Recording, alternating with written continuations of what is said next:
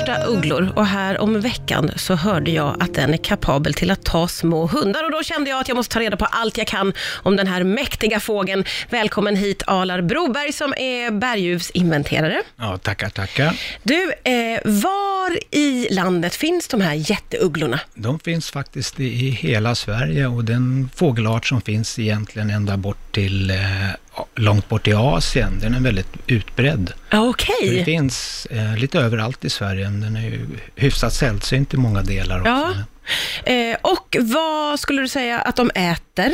De äter egentligen det som är lättast att få tag på där de råkar bo. Det är liksom allt från möss, eh, fåglar, upp till hägrar och fiskgjusar, stora harar. Ja, för det ska vi göra klart nu, eh, hur stora berguvarna också är. De är en av världens största ugglor och det finns en art borta i Japan som är ungefär lika stor. Den kan väga upp till 4 kilo. Den kan vara upp till 70 centimeter hög, vilket är ganska stort. Det är otroligt stort. Så har en vingbredd på 1,70 kanske som mest. Så att det är det är stora fåglar. Ja, de, de är enorma. Eh, det här med att de kan ta en liten hund som jag hörde på TV, det har visat sig att det var du som sa det här, Alar. Ja, ja, jag har fått rapporter om det och även katter. Eh, Jag har hört talas om att det var en dam som i Sverige som tittade på sin katt på balkongen på tredje våningen och kom en berguv och tog katten. Nej. Turligt nog för katten så var den lite för tung för berguven så den släppte den och katten överlevde. Gud, det här det hade jag faktiskt ingen aning om att, att sånt ens kunde ske. Men, men eh, hur lever de då? Det är ju ugglor, är de mest aktiva på natten? Ja, det är de. Eh, Men i svensk sommar är ju ganska kort, så då måste de ju jaga också när det är ljust. Ja. Så det klarar de ju av och även här i stan så helt plötsligt så sitter det någon berguv här. Jag, här om natten satt det tydligen vid Klara kyrkogård. Nej. Och vi brukar ju ha ett något par som håller till vid gasverket. Nu är det paret borta, men det kommer lite då och då. Det har funnits re, revir runt gasverket i Hjorthagen sedan 1990. Ja, okej. till. Jag tycker jag förstår på det att de liksom lever i par, gör de det? Ja, det, absolut. De är fasta i ett par och de flyttar inte därifrån heller. Okej, så de Så, har en de fast boplats? Japp.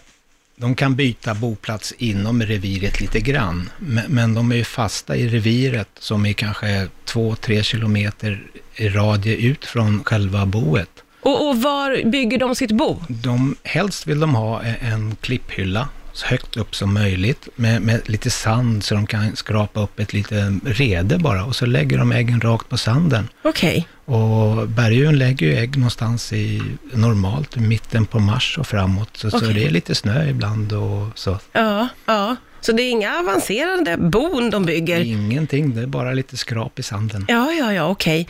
Men du, eh, de har varit väldigt hotade genom åren, eller hur? Ja, de fick ju en väldigt kraftig smäll av de här miljögifterna på 60-70-talet. Eh, här i Stockholm fanns det då bara kvar enstaka par ute i skärgården. Sen ökade antalet långsamt, långsamt 80 och 90-talet till ett maximum runt år 2000. Okej. Eh, Sen efter det har de börjat minska igen, så att eh, från, jag har uppskattat att jag hade kontroll på kanske 40 revir i, i länet då, så är det nere under 30 nu.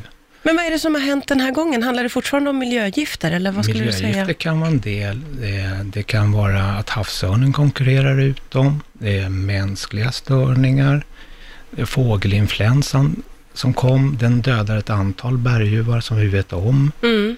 Eh, sen miljöförändringar, det är kanske mindre bytesdjur ute i naturen numera. Så att det, det är många anledningar. Det är svårt att veta exakt vad som Ja, jag hänt. förstår. Men, men vad, hur ser du på framtiden? Finns det liksom hopp om att de kan återhämta sig, eller kan man inte se det riktigt? Ja, det finns ju alltid hopp. Eh, Just nu så är det därför man har en stor inventering nu andra året i rad genom BirdLife Sverige.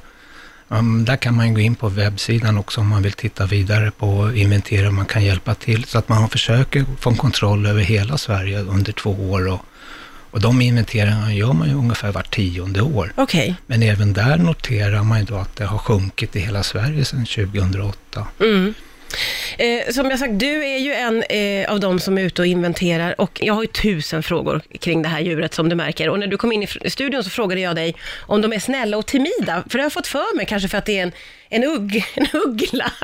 Men du berättade ju fruktansvärt här om vad du har varit med om när du har varit ute. Ja, de ser ju mänskliga ut tack vare Ja. att du ser liksom båda ögonen. Det ser man ju ingen på någon annan fågel. Att du ser det båda är ögonen. det, att de har det här ansiktet. Ja.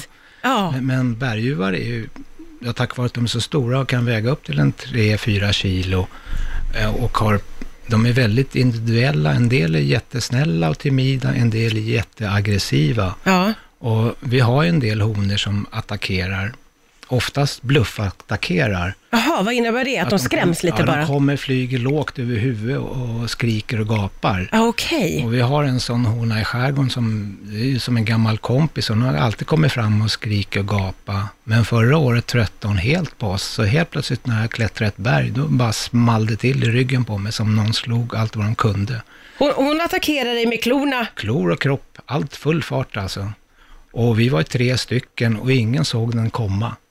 Uh, turligt nog var det ju så att det var ganska, var inte så brant berg, så jag ramlade inte ner och sen hade jag dessutom en ryggsäck på mig som tog smällen. Men jag hur tror du ryggen hade sett ut om du inte hade haft jag hade nog ryggsäcken? fått åka syn några stygn i ryggen. För de har enorma. Klorna är som lillfingret. Och Herregud. de har ju, när de låser också, så låser de, så trycker de bara hårdare och hårdare. Ja. Så att om- de till exempel fångar någon hare eller någonting, så slår de i klorna i, så trycker de bara sig tills den punkterar alla inre organ och så den dör. Nej men gud, det är väldigt våldsamt i naturen. Ja, det är, det är, naturen är inte snäll. Den är inte det alla gånger. Men du, eh, Alar, får jag fråga dig, varför är du så fascinerad av berguven då? Alltså jag är ju fascinerad av ugglor rent generellt som barnsben. Och jag hörde ugglor in i något gammalt, ett hus vi bodde ute i Tyresö en gång till när jag var fem år. Och sen såg någon berguv i, på trädgården där också, eller i berget bakom. Ja. Sen är jag fast och sen är jag dessutom fågelskådare och jag är inte så här jättemorgonpigg, så jag föredrar nätter och då passar ju ugglor väldigt Ah, Ugglorna bra. passar dig perfekt. Absolut.